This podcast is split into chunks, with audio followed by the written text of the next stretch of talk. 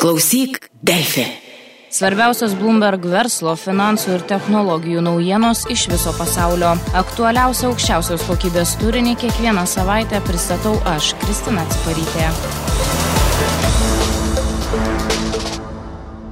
Jevgenijus Prigožinas, žinomas kaip Putino vyrėjas, nusitaikė į Afriką.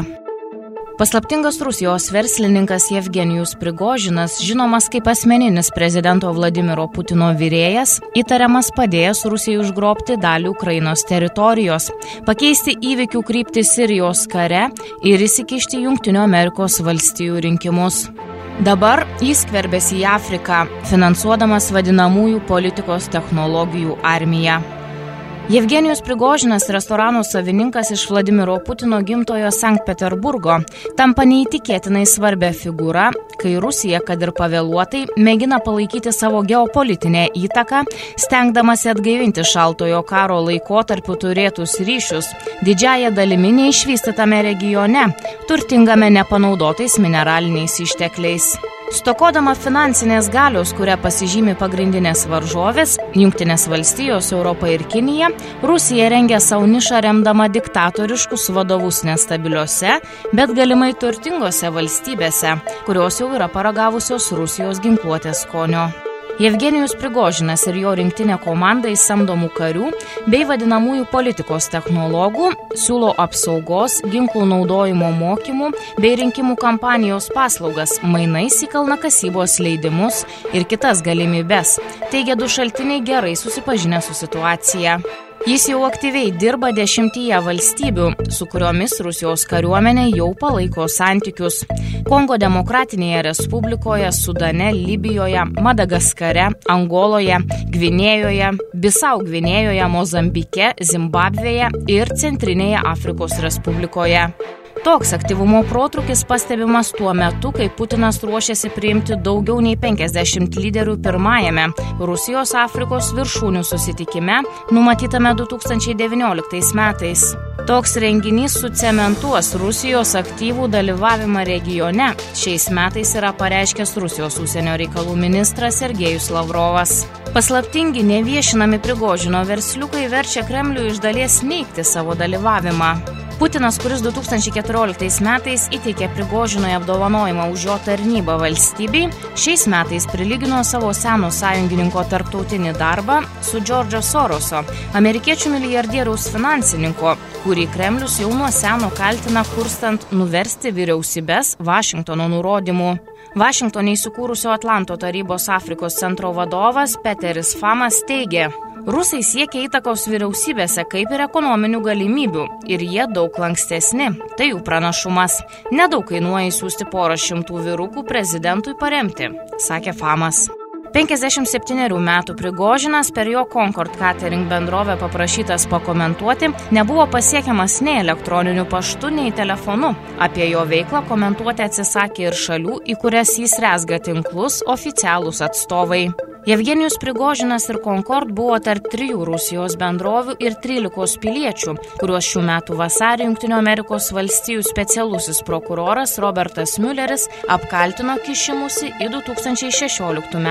Junktinių Amerikos valstijų prezidento rinkimus. Putinas atėjęs į valdžią prieš beveik du dešimtmečius ir sutelkęs pagrindinį dėmesį į tai, kaip susigražinti prarastą Rusijos supergalios statusą, apie Afriką susimastė, galima sakyti, pavėluotai. Bye. Po Sovietų sąjungos grūties 91 metais Rusijos vaidmų Afrikoje dramatiškai sumažėjo.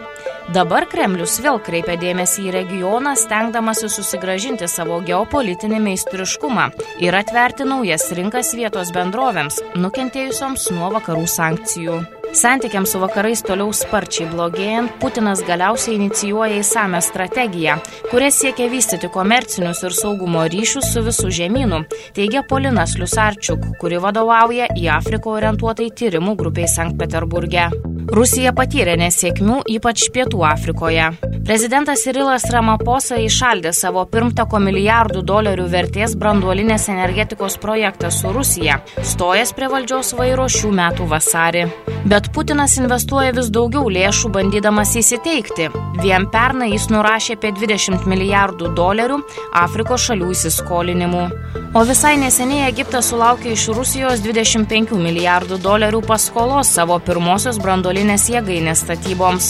Be to, Rusija pradėjo dėrybą su Eritreja, siekdama įsteigti savo pirmąjį logistikos centrą prie Raudonosios jūros, netoli nuo vienintelės Pentagono nuolatinės bazės Afrikoje ir Kinijos pirmosios karinės bazės užsienyje, abijos įsikūrusios Džibutyje. Kovas Sergejus Lavrovas, ilgametis Putino užsienio reikalų ministras, surengė turą po penkias Afrikos šalis, stabtelėdamas ir Zimbabvėje, kur Rusijos bendrovės dalyvauja 3 milijardų dolerių vertės platinos kasybos projekte, didžiausiame investicinėme projekte.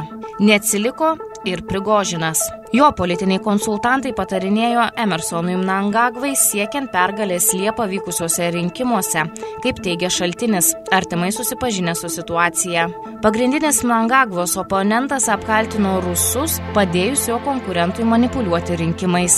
Zimbabvės valdančioji partija paneigė informaciją apie bet kokį Rusijos kišimąsi rinkimuose. Šiuo metu pradžioje Putinas sustiprino savo karinės pozicijas pačioje žemynų šerdyje, po to, kai dėl jungtinių tautų padarytos išimties Rusija gavo leidimą tiekti ginklus Centriniai Afrikos Respublikai. Centrinė Afrikos Respublika, kuri yra įsivėlusi į pilietinį konfliktą, paprašė pagalbos, kai Prancūzija, buvusi kolonijos valdytoja, staiga nutraukė trejų metų taikos palaikymo misiją. Visgi, kaip bet kuris įprastas verslininkas, Prigožinas dairosi pelningų rinkų savo investicijoms. Remiantis Rusijos bei Prancūzijos žiniasklaida, prigožino karinės bendrovės, Rusijos žiniasklaidoje žinomos kaip Wagner, veikla jau davė vaisių. Nuolaidas auksui bei deimantams tiek Centrinėje Afrikos Respublikoje, tiek Sudane. Liepa Centrinėje Afrikos Respublikoje buvo nužudyti trys Rusijos žurnalistai. Anot nepriklausomos Rusijos žiniasklaidos jie šioje valstybėje tyrė privačios karinės bendrovės Wagner glaudžiai susijusios su Kremliumi ir konkrečiai Prigožino veiklą. Jų darbą finansavo garsus rusų opozicionierius Mikhailas Khodorkovskis. Dabar Prigožinas, plėsdamas savo operacijas, jau skverbėsi į Kongo Demokratinę Respubliką, didžiausią valstybę Afrikoje po Alžyro ir vieną iš turtingiausių mineralais pasaulyje, informuoja šaltiniai. Buvusi Belgijos kolonija rengėsi rinkti naują vadovą pirmą kartą nuo 2001 metų.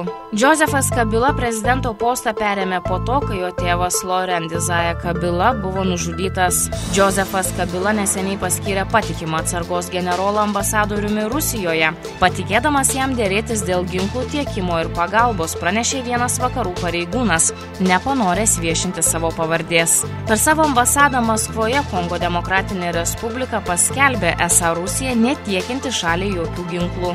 Šalis taip pat paneigė vietos žiniasklaidos pranešimus, esą Rusai aktyviai dalyvauja rinkimų kampanijoje. Jeigu, kaip ir prognozuojama, rinkimus laimės Kabilos statytinis, kuriam galioja ES sankcijos, tuomet Kongo Demokratinės Respublikos kariniai ryšiai su Rusija dar labiau sustiprės. O tai savo ruoštų atvers daugiau galimybių Rusijos bendrovėms, teigia Žanas Žakas Vongas, Bruselėje dirbantis Kongo saugumo analitikas. Kinija investavo nemažai lėšų į Kongo Demokratinę Respubliką, bet Pekiną, kaip skelbiama, vis labiau nuvilia nuolat kintantis Kabilos reikalavimai. Opozicijos kandidatas Martinas Faulu, dalyvausantis gruodžio 23 dienos rinkimuose, sakė, Kabilai žudbūt reikia išorinės paramos, atsižvelgus į tai, kad mūsų šalis yra turtinga mineraliniais ištekliais, nieko keista, kad Rusija skverbėsi į Kongą, sakė opozicionierius. Madagaskaras didžiausia pasaulyje vanilės gamintoja ir turtinga didelėmis nikelio, kobalto bei urano atsargomis yra dar viena chaoso draskoma šalis, kuria domisi Putinas ir Prigožinas. Kremliaus atstovas šių metų kovą skrido į salą, kur susitiko dėryboms su tuometiniu prezidentu Heri Radžia Ona Rampanina. Rusijos rinkimų konsultantai kartu su Prigožinu lankosi šalyje, kur vyksta intensyvi kova tarp dviejų buvusių lyderių dėl prezidento posto, kurios rezultatai paaiškės gruodį, pranešė vienas iš šaltinių gerai informuotų apie Prigožino veiklą. Rusija remia kelis kandidatus, teigia Žanas Klodas Delestrakas, buvęs Mauricijaus užsienio reikalų ministras ir ekspertas Indijos vandenino teritorijų klausimais. Madagaskaro užsienio reikalų ministerija atsisakė komentuoti šiuos pranešimus. Gvinėjoje Rusija remia prezidento Alfos Kondės siūlymą atsisakyti kadencijos ribojimų, tam, kad jis galėtų likti valdžioje ir 2020 metais, kai baigsis jo įgaliojimai, sakė vienas vakarų pareigūnas, gerai informuotas apie Rusijos Afrikos ryšius. Afrikos valstybė yra viena didžiausia boksito tiekėja Rusijos aliuminio milžinė United Co. Russell. Gvinėjos užsienio reikalų ministras Mamadis Turė ir vyriausybės atstovas Abubakar Sila neatsiliepė į žurnalistų norėjusių išgirsti pareigūnų komentarus skambučius. Keliaudamas į Šiaurės Afriką, Prigožinas lapkritį kartu su Rusijos gynybos ministru Sergejumi Šoigu dalyvavo dėrybose su Libijos kariuomenės vadu Kalifa Haftaru, kontroliuojančiu beveik visą rytinės valstybės dalį. Jis teikia karinės paslaugas Haftaros Libijos nacionaliniai kariuomeniai mainais į energetikos profilio sandorius, pažymėjo du šaltiniai, gerai susipažinę su situacija. Su Libijos nacionalinės kariuomenės atstovu Mahmedu Mesmaris taip pat nepavyko susisiekti. Prigožino privati samdinių kariuomenė Wagner, kurią Junktinės Amerikos valstijos paskelbė sankcijas už jos vaidmenį 2014 m. Ukrainos revoliucijoje, šiuo metu vasarį vėl pritraukė tarptautinį dėmesį, šį kartą Sirijoje. Kaip jau tada skelbė Bloomberg, šimtus jos samdinių nukovė ar sužeidė Junktinių Amerikos valstijų pajėgos, kai tie atakavo kurdų kovotojų bazės. Wagner mėgino užimti gretimą naftos perdirbimo įmonę, nes Damasko pareigūnai, kaip skelbiama, pažadėjo pasidalinti būsimomis pajamomis. Kaip bet kuris kitas verslininkas, Prigožinas ieško pelningiausių rinkų, į kurias galėtų investuoti savo lėšas. Teigia Rusijos valstybės finansuojamo Afrikos tyrimų instituto įsikūrusio Maskvoje vadovė Irina Abramova. Jis pagalvojo, o kodėl mane pasinaudojus šią galimybę. Ir jeigu afrikiečiams bus iš to naudos, jam beliks tik padėkoti. Klausyk, Delfi.